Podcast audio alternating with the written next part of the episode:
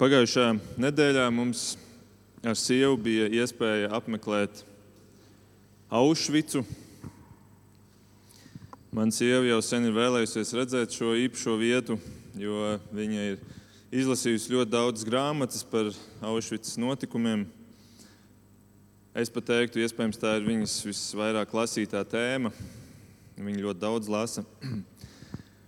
Un uh, arī man pašam šis apmeklējums ir licis um, protams, padziļināt, domāt par to, kas tas bija, par visiem šiem otrā pasaules kara notikumiem, par nacismu, par antisemītismu, par holokaustu.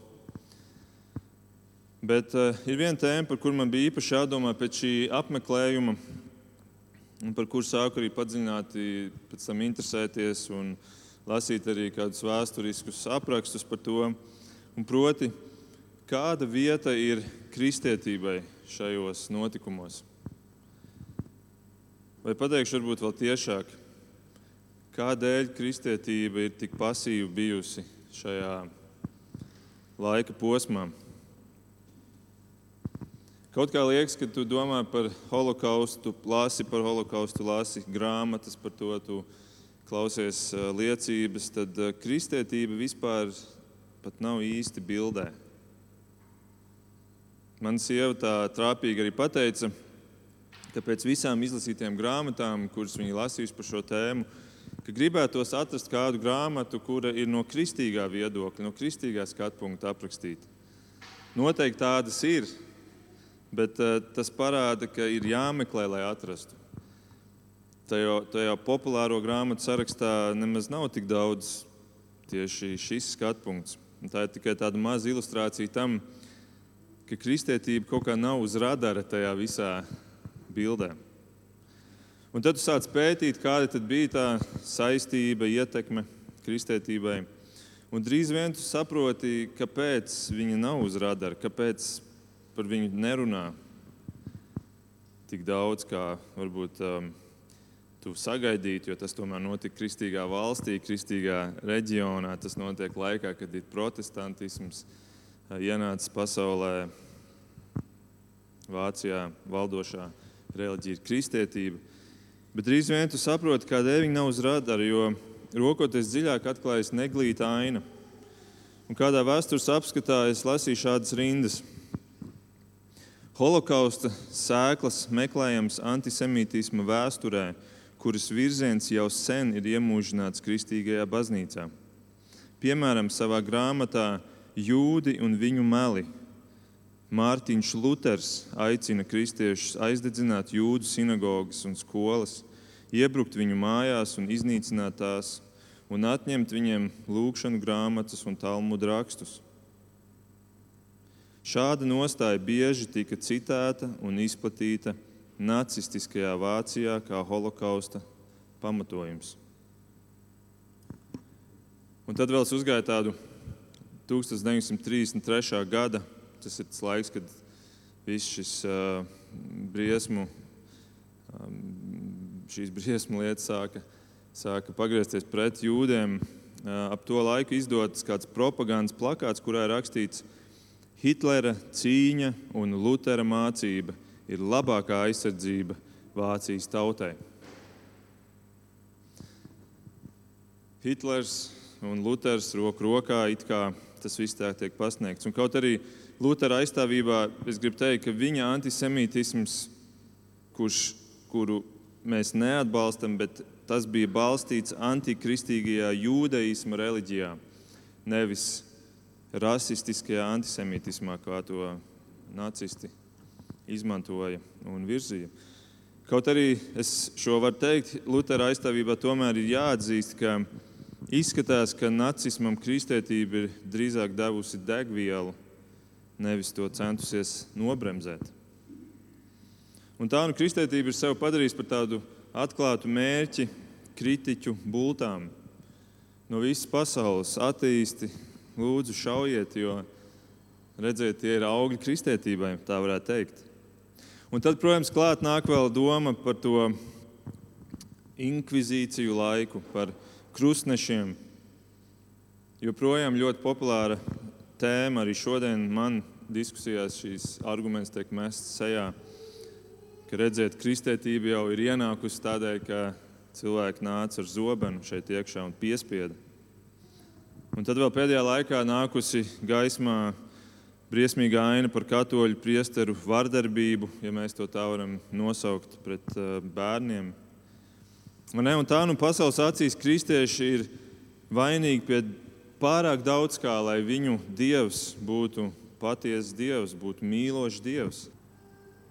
Un, ja kāds oponē un iebilst, bet mēs neidentificējamies ar šo tā saucamo kristiešu konfesiju vai grupu, tad pasaule atcērt, nē, visi kristieši ir kristieši.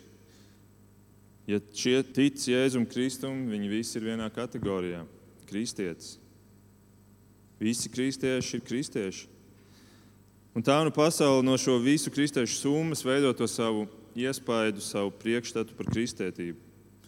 Un tad es šodien vēlos pievērsties um, šim ļoti būtiskiem jautājumam mūsu sērijā par, par mītiem, par kristētību. Es vēlos noslēgt šo, šovasar šo ciklu ar šo mītu, ka visi kristieši ir kristieši. Mīts, ka visi kristieši ir kristieši. Un, lai to atspēkotu, es vēlos dot vārdu pašam kristietības dibinātājam. Tam, kurš ienesa pasaulē kristietību, tam, kurš ielika pamatus kristietībai, tam, kurš definēja, kas ir kristietība. Un tas ir pats Jēzus Kristus. Jo nav jau svarīgi, ko es vai tu vai pasaule domā, vai kā viņi definē kristiešu. Svarīgi tas, kas tad ir tā kristietības dibinātāja doma bijusi, kad viņš radīja kristietību un atnesa to pasaulē. Un Jēzus ir devis vismaz četrus kritērijus, pēc kā atpazīs viņa mācekļus. Konkrēti panti, kuros viņš konkrēti pasaka, kristieši, ja tu gribi būt māceklis, mans māceklis, kristietis, tad tu darīsi to un to. Vismaz četri kritēriji doti, pēc kuriem atpazīt viņa mācekļus. Un, ja kāds sevi sauc par kristieti, bet neturās pie šiem kritērijiem, tad pēc šī kristietības dibinātāja domām viņš nebūtu saucams par kristieti. Un tad arī mums vajadzētu izvērtēt, vai mēs drīkstam lietot šo vārdu kristietis. Kas ir šie četri kritēriji? Tos mēs tūlīt apskatīsim, bet pirms to darām, vēl viena maza piebilde. Uzskats, ka visi kristieši ir kristieši, nav tikai tāds pasaules acīs radies uzskats. Arī liela daļa kristietības kristietībai piederīgo uzskata, ka, citējot, piemēram, romiešiem 10.13, ka ik viens, kas piesauc kunga vārdu, tiks izglābts. Tātad ik viens, kurš piesauc Jēzus vārdu, tas ir kristietis. Un tad rezultāts ir tāds, ka dzīves laikā cilvēki piedzīvo vilšanos ar šiem tā saucamiem kristiešiem. Un beigās izlēma pamest draugu, jo tie kristieši ir pārāk nepilnīgi, izdomā pamest varbūt pat konfesiju, izdomā pamest visu kristētību gal galā un atstāt savu ticību Dievam. Un redzēt, tāpēc ir ļoti svarīgi šī, šis jautājums. Un es domāju, kad es domāju par tiem mītiem, es domāju, no kura mēs varētu šodien noslēgt. Un es domāju, ka ja man būtu jāizvēlās viens mīts no šiem septiņiem, par kuriem esmu runājis, kuru es varētu palīdzēt saprast, piemēram, pasaulē, tad šis būtu tas, ko es gribētu dot. Šī būtu tā vēsts, kuras dēļ, diemžēl, tik daudz cilvēki vispār negrib pieskarties domai par kristētību. Un arī, arī kristieši, kuri lieto šo raksturvietu, kuras tikko citēju, viņi, viņa kļūda ir tā, ka viņi aizmirst, ka piemēram, pats Jēzus Kalnu svētdienā Matei 7 ir teicis kaut ko par šo pašu tēmu. Viņš ir teicis, Ne ik viens, kas man saka, kungs, kungs, ieies debesu valstībā.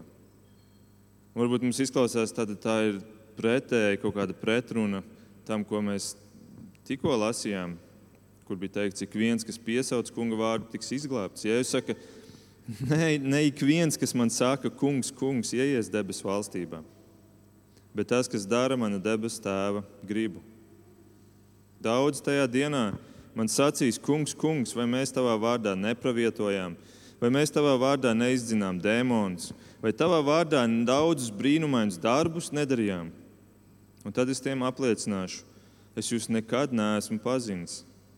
Nos no manis jūs ļauna darītāji. Mans aicinājums ir tā vietā, lai šo nosaukt par pretrunu, aicināt izvērtēt, tad, ko īsti nozīmē Jēzus piesaukšana. Ko nozīmē, ka es piesaucu Jēzu kā savu kungu? Un arī uz šo jautājumu atbildēs mūsu Jēzus dotie četri kritēriji, ar kuriem viņš definē, kas ir kristieši. Vārds kristietis nozīmē grieķu valodā mazais Kristus. Kas ir tie mazie kristi pēc paša Kristus definīcijas? Un tā nu pirmā definīcija, pirmais kritērijs ir mīlestība. Mīlestība uz apkārtējiem. Jāņa 13.35. Jēzus saka, ja jums būs mīlestība savā starpā, tad visi zinās, ka jūs esat mani mācekļi. Ja jums būs mīlestība savā starpā, visi zinās, ka jūs esat mani mācekļi. Būsim konkrēti, un ja jau es sāku to neglīto tēmu par holokaustu un, un, un, un visiem tiem notikumiem, tad pārbaudīsim, vai holokausta atbalstošie tā saucamie kristieši izpildīja šo kritēriju, vai mīlestība uz tuvāko bija tā iezīme, kura raksturoja šo rīcību, kuru arī, diemžēl, daudzas kristīgas baznīcas ieņēma. Vai tad, kad jūs dzirdat vārdus mīlestības tuvāko, vai jums nāk prātā holokausts? Un es apzinos, ka šis jautājums ir absurds. Es viņu speciāli uzdodu absurdā formā, lai parādītu, ka tieši tikpat absurdi ir saukt šos cilvēkus par kristiešiem. Vai tāpat otra grupa, vai krustneši, inkvizatori izcēlās ar mīlestību uz līdzcilvēkiem?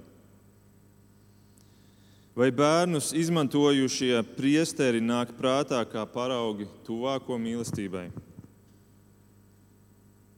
Ja nē, tad arī nesauksim viņus par kristiešiem, lai cik bieži viņi arī lietotu Kristus vārdu, pat kancelēs. Un to es saku pasaulē, bet to es arī saku draudzēji. Un katram, kurš ir sašutis par tā saucamās kristietības drūmo reputāciju šodien. Tie nav kristieši pēc Jēzus pirmā kritērija. Un tā nav kristietība pēc tās dibinātāja definīcijas. Tādēļ neļauj sev sagraut priekšstatu par Kristus mācību, skatoties uz, uz viltojumiem, kuru autors nav pats Kristus. Šiem cilvēkiem Kristus iespējams teiks, vai jau ir teicis, kā nu kuram ir teicis, kādēļ jūs saucat mani kungs, kungs. Es nekad jūs neesmu pazinis, nos no manis jūs ļauna darītāji. Mīlestība pret līdzcilvēkiem tā ir tā Jēzus mācekļu, jeb kristiešu pirmā kritērija daļa. Otrais kritērijs - paklausība Bībelē. Paklausība Bībelē, Jāņa 8,31. Tad Jēzus sacīja jūdiem, kas ticēja viņam: Ja jūs paliekat manos vārdos, ja jūs paliekat manos vārdos, jūs patiesi esat mani mācekļi. Pagriežam pretējā virzienā teikumu. Jūs patiesi esat mani mācekļi, ja jūs paliekat manos vārdos. Un atkal es varu jautāt, vai holokausta atbalstītāji izpildīs šo kritēriju? Nē, ja kāds no viņiem tiešām gribēja ņemt Bībeli par attaisnojumu, un viņi to darīja, tad pamatīgi ir jārauj ārā šie teksti no, no Bībeles konteksta. Ja Bībele vēsta, ka Kristus nomira par cilvēkiem, un tā skaitā lielu daļu jūdiem, kā tad, viņš atbalstītu savu kristiešu pretējo rīcību, nogalināt jūdus. Vai krustneši izpildīja šo kritēriju? Nē, viņiem augstākas par Kristus pavēlēm bija pāvesta pavēles. Es lasīju pasaules vēstures encyklopēdijā šādu aprakstu par krustnešiem un viņu motivāciju doties savos tā saucamajos svētajos karos. Tur rakstīts bija tā, ka katrs, kurš pievienojās krustnešiem, saņēma garīgu imunitāti Pāvests Urbāns II piesolīja visu grēku atlaišanu katram, kurš uzņēmās krustu un pievienojās svētajam karam. Krusta kara izraisīja slepkavību tūkstošiem ebreju, kuri tika uzskatīti par tikpat lieliem ienaidniekiem kā musulmaņi, jo visi ebreji tika turēti atbildīgi par Kristus krustā sišanu. Krustneši racionalizēja jūdu nogalināšanu, lai paplašinātu savu katoļu ticību. Krusta karus neatkarīgi no tā, vai tie bija tuvajos austrumos vai Eiropā, vadīja pāvests.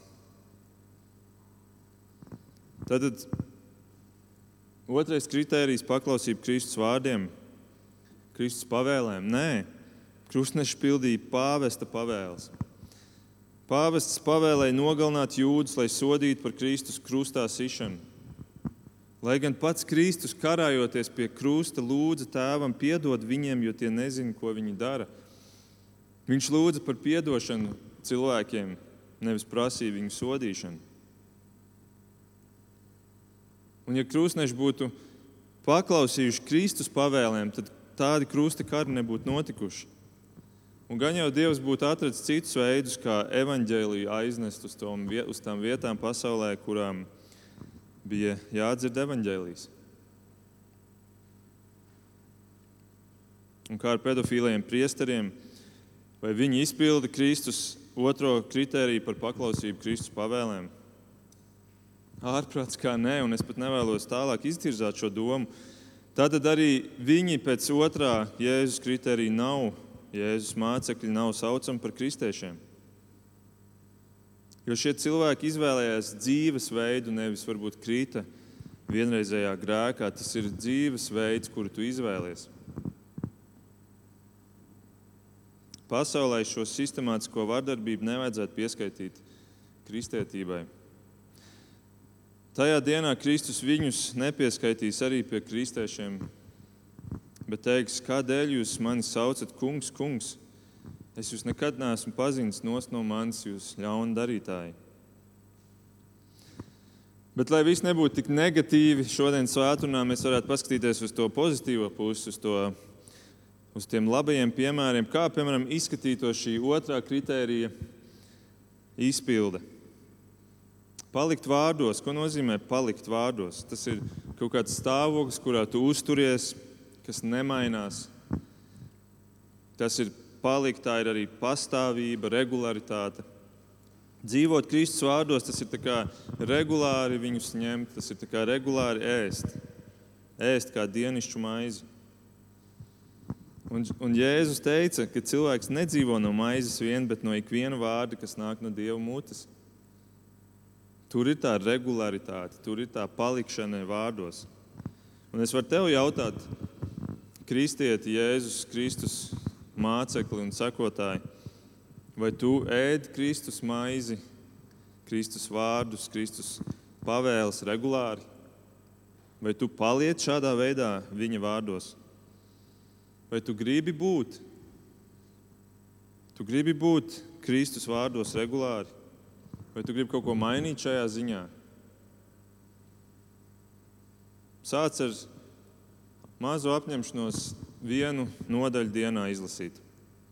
Varbūt es mēģināju lasīt visu Bībeli cauri, un tur parasti ir kādas piecas, sešas nodaļas, lai tu tiktu gadā cauri Bībelē. Bet kaut vai sāc ar vienu nodaļu dienā, pasaki, es katru dienu izlasīšu vienu nodaļu.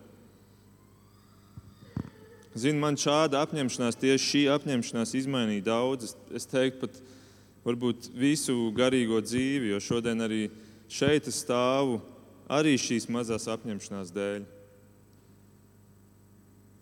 Palikt vārdos, tas ir būt regulāri viņos. Bet tas nozīmē vēl kaut ko. Tas otrais vārds - vārdos. Palikt kur? Dieva vārdā. Kristus pavēles Dieva vārdā palikt arī tad, kad Kristus pavēlēs palikt arī tad, kad radās pretestība. Kad pasaule sāk mācīt tev kaut ko citu, kaut ko pretēju tam, ko, ko Kristus ir mācījis. Šodien, protams, to dara ar vien skaļāk sabiedrībā. Tēma ir ļoti daudz, kas iet pretēji tam, ko Kristus māca. visa LGBT kustība runā pret to, ko Kristus māca. Feminisms virza sieviešu ordināciju kā, kā prasību pret kristētību, kas ir atkal kaut kas, kas iet pretēji tam, ko, ko Bībele māca. Vīriešu lomas dekonstruēšana ir šodien populāra tēma. Viss patriarchālais ir, ir miskastē izmetams, tas ir slikts pēc definīcijas. Bet visa Bībele ir būvēta uz, uz tā. Un, Paliec Kristus vārdos, pat tad, kad tev ir pretestība, kad tu varbūt nesaproti līdz galam. Uzticies, ka Dievs saprot, un, ja tu paliec Dieva vārdā, tad tu paliec taisnības pusē. Un atceries, ka šī palikšana, kā jau mēs šodien skatāmies, ir apstiprinājums tev, ka tu esi tiešām Kristus māceklis, ka tu esi kristietis. Trešais kritērijs ir sevis aizliekšana.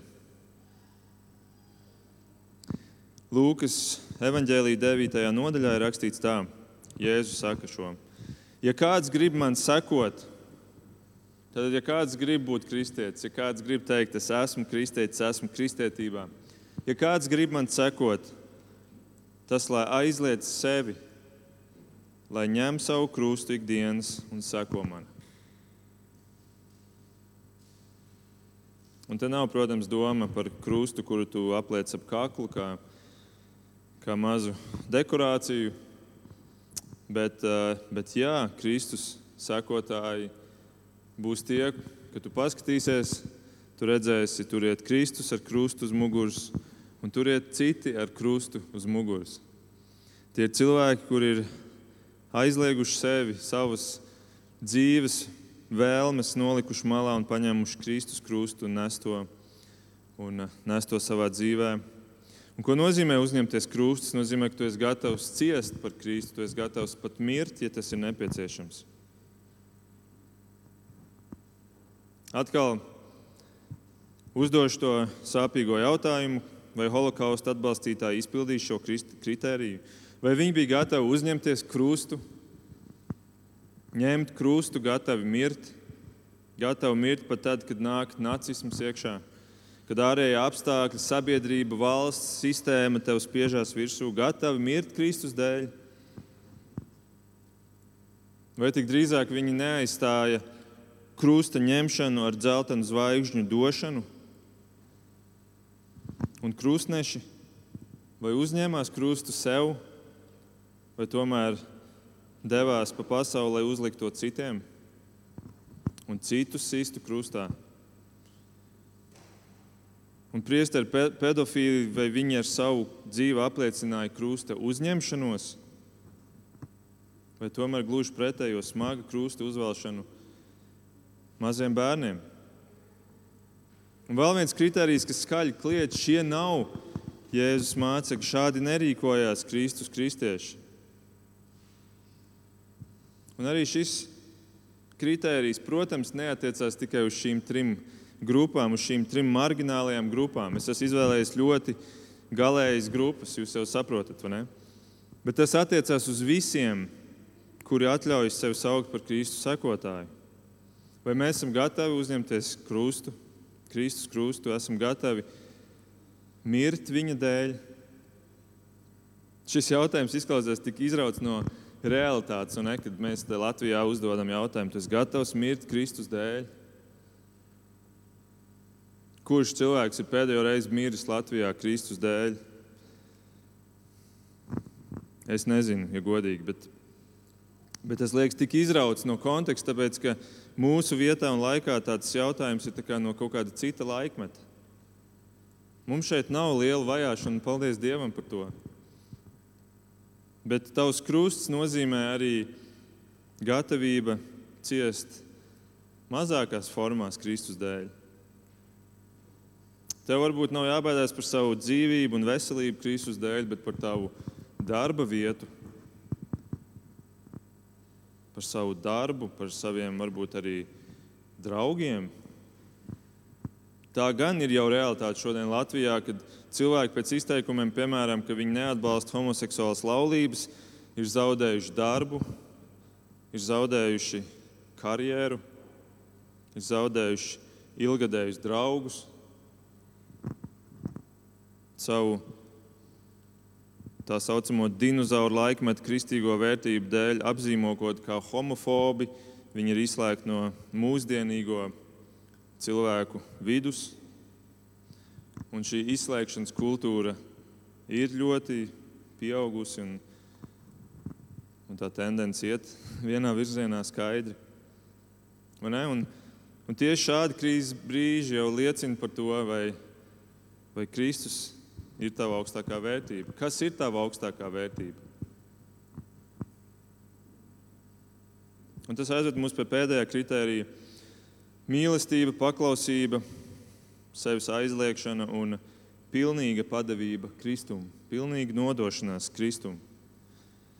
Jēzus Lūkas evanģēlī 14. nodaļā saka ļoti daudziem sarežģītus vārdus. Viņš saka, ja kāds nāk pie manis un neienīst savu tēvu un māti, savu sievu un savus bērnus, savus brāļus un savas māsas, un vēl arī pats savu dzīvību, tas nevar būt mans māceklis. Varbūt tie pirmie trīs kriteriji bija tādi, nu jā, nu tos es esmu, tos es varu kaut kā izpildīt, un, un, un tā latiņa jau tur ir tāda nu, pavēlkama uz augšu, uz leju mazliet. Tad nu, šis ir tāds nu, ļoti jau tiešs un konkrēts kritērijs, kur uh, es varu uzdot to jautājumu, kas, kas tas ir domāts vispār. Kristus māca ienīst man tēvu, māti, sievu, bērnus. Tas, ko Kristus prasa, ir visu vai neko. Visu vai neko. Un tas ir tas lielākais kriterijs, tas ir tas pamats visiem pārējiem kritērijiem patiesībā. Sludinātājs Čārlis Pērģents ir teicis, lai Kristus tev būtu kaut kas, viņam ir jābūt visam. Un ja viņš tev nav viss, tad viņš tev nav nekas. Kristus nevar būt kā tāds dzīves pielikums, kā tāda garšviela tavā dzīves picā. Viņam ir jābūt tai pamatnei, jābūt, viņam ir jābūt tam tai dzīvības maizei, uz kā tu visu būvē pārējo. Visa dzīve ir būvēta uz viņa, uz mīlestības pret viņu. Un, un tad, ja tavs tēvs vai māte saka, nē, pie Kristus, tās ir muļķības, tās ir blēņas, tad tu saki, nē, man ir svarīgāks Kristus. Un šī mīlestība pret Kristu ir tik, tik liela, ka pat ka mana mīlestība uz maniem vecākiem blakus tai nobāla un izskatās varbūt jau pēc naida, jo, jo tā nav salīdzināma. Ja tēvs un māte man grib vest prom no Kristus, es tomēr palieku, jo viņš ir mans pamats manā dzīvē. Un pēdējo reizi es varu jautāt, vai holokausta atbalstošie tā saucamie kristieši izpildīja šo kritēriju? Vai Kristus bija tik spēcīgs pamats viņu dzīvē, ka viņu viedoklis, ka Kristus viedoklis bija svarīgāks par mātes viedokli, tēva viedokli, sievas viedokli, brāļa viedokli, māsas viedokli, Jozefa Goebbelsa viedokli, Adolfa Hitlera viedokli? Nē, Kristus nebija svarīgākais. Un jā, es zinu, ka to tagad tā teikt, šodien dzīvojot rietumu kultūra, kultūrā, miers mums valda, tagad teikt tādus vārdus.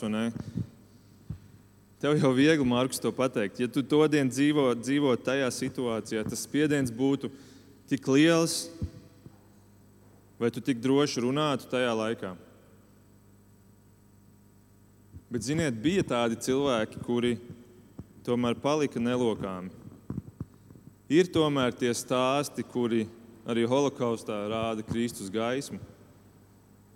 Bija tādi kristieši, kuriem dzīves pamatā bija Kristus, un, un viņi ne tikai Kristu mīlēja, ne tikai nepieņēma to ļaunumu, kas, kas tika spiests virsū, bet viņi pat aizstāvēja tos, kuri bija palikti zem sitiena. Viņi glāba jūdus un ar to riskēja paši to pašu iznākumu, kāds bija jūdiem draudēts. Un šodien Izrēlā pasniedz ordeņus tiem, kur gāja šo ceļu. Hasidei umot ha-olam nozīmē pasaules tautu taisnīgai. Tas ir tituls, ko saņem šie cilvēki šodien. Un starp viņiem ir daudz kristiešu, īstie kristieši.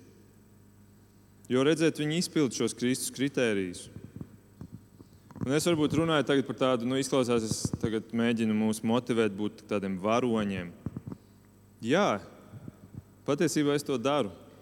Tāpēc, kad ja tu esi ar Kristu, tad tu kļūsti par šo, kurš kļūst spēcīgs, stāvēt pretī tai varai, tai sistēmai, tai ietekmei, kas tev pasaulē apkārt virmo.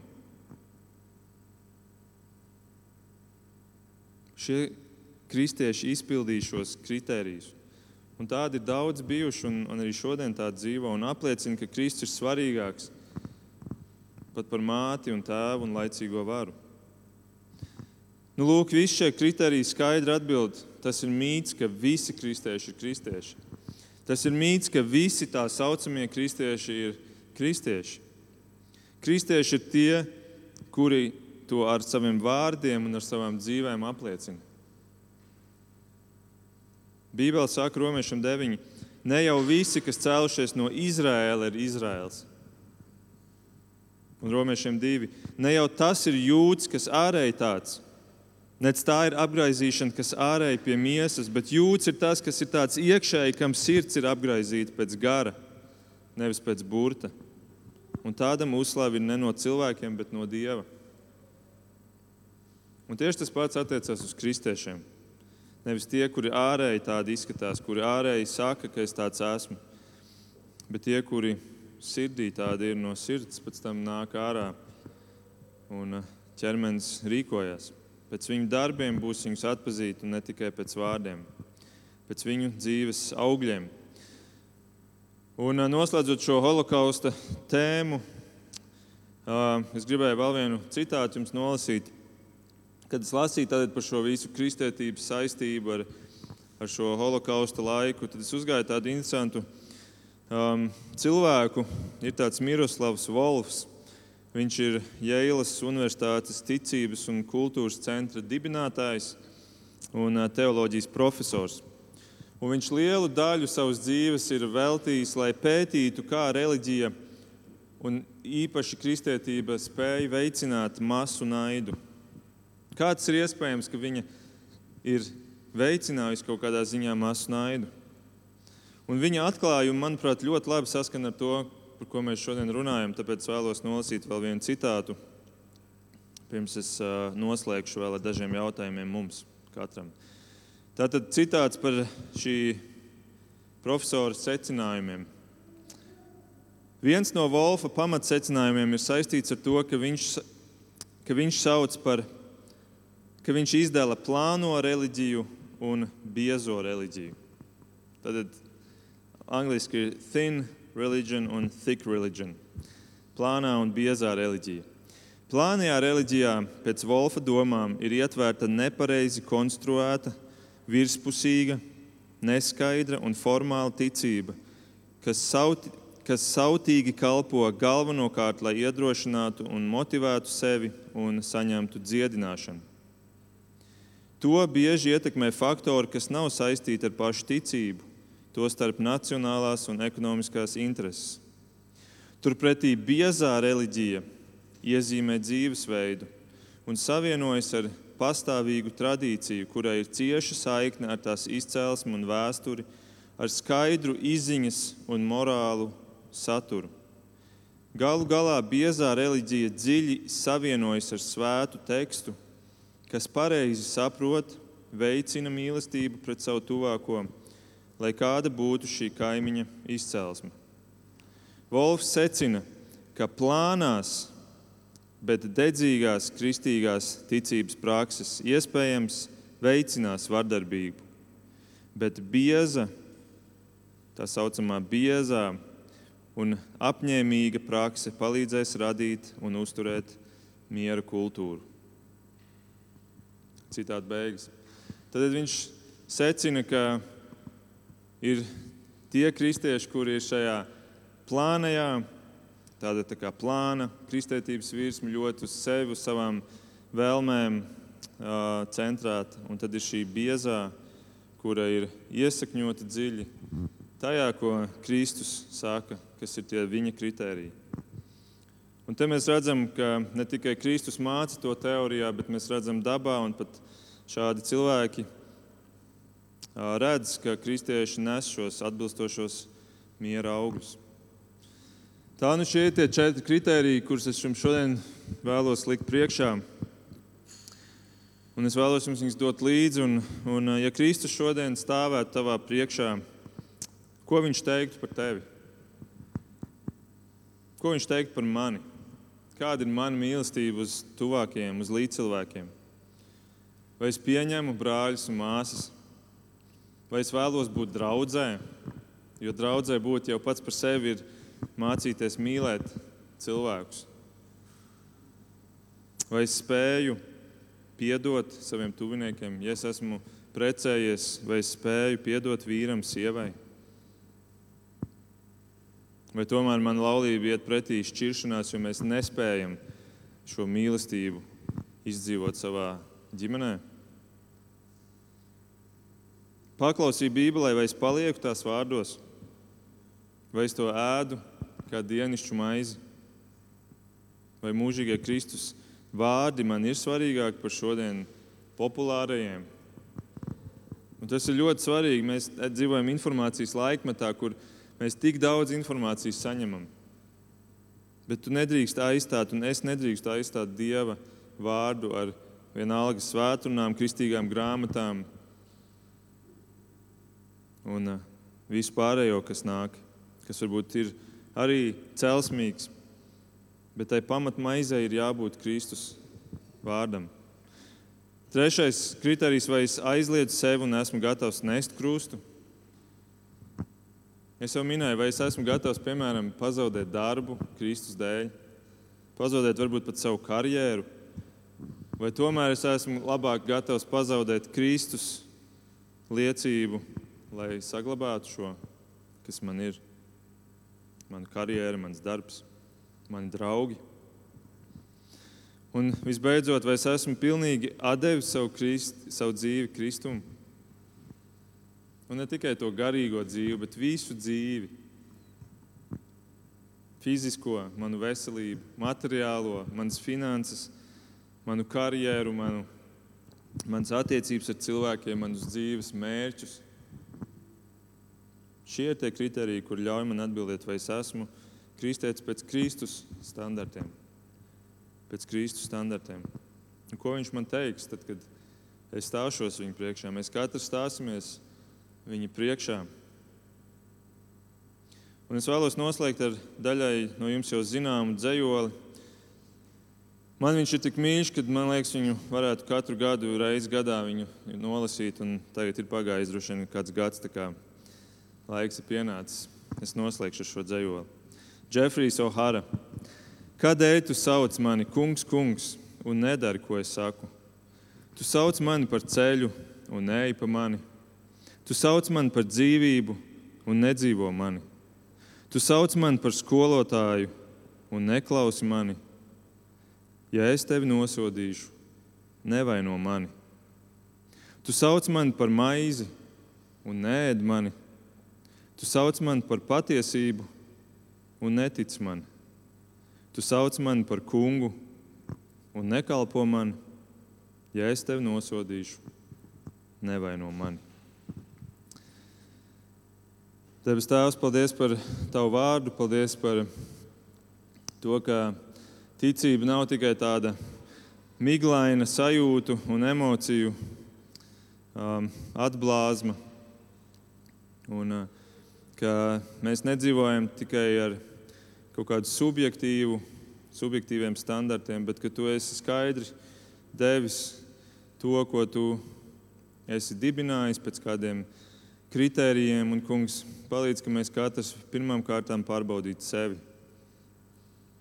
Bet uh, palīdz, ka mēs arī varētu nekrist šaubās, nekrist vilšanās par kristiešiem, par kristētību liekot visus kristiešus vienā lielā grupā, bet, kungs, ka mēs skatītos uz to, ko tu esi teicis, un, un ka mēs arī apzinātos, ka šī pasaule būs pilna ar cilvēkiem, kuri tavu vārdu nelietīgi lietos un valkās. Un palīdz, ka mēs varam palikt tevī, kungs, ka mēs varam lietot tavu vārdu un ka mēs arī varam nest pasaulē liecību, kura ir saskaņā ar to, kādu tu esi kristētību vēlējies.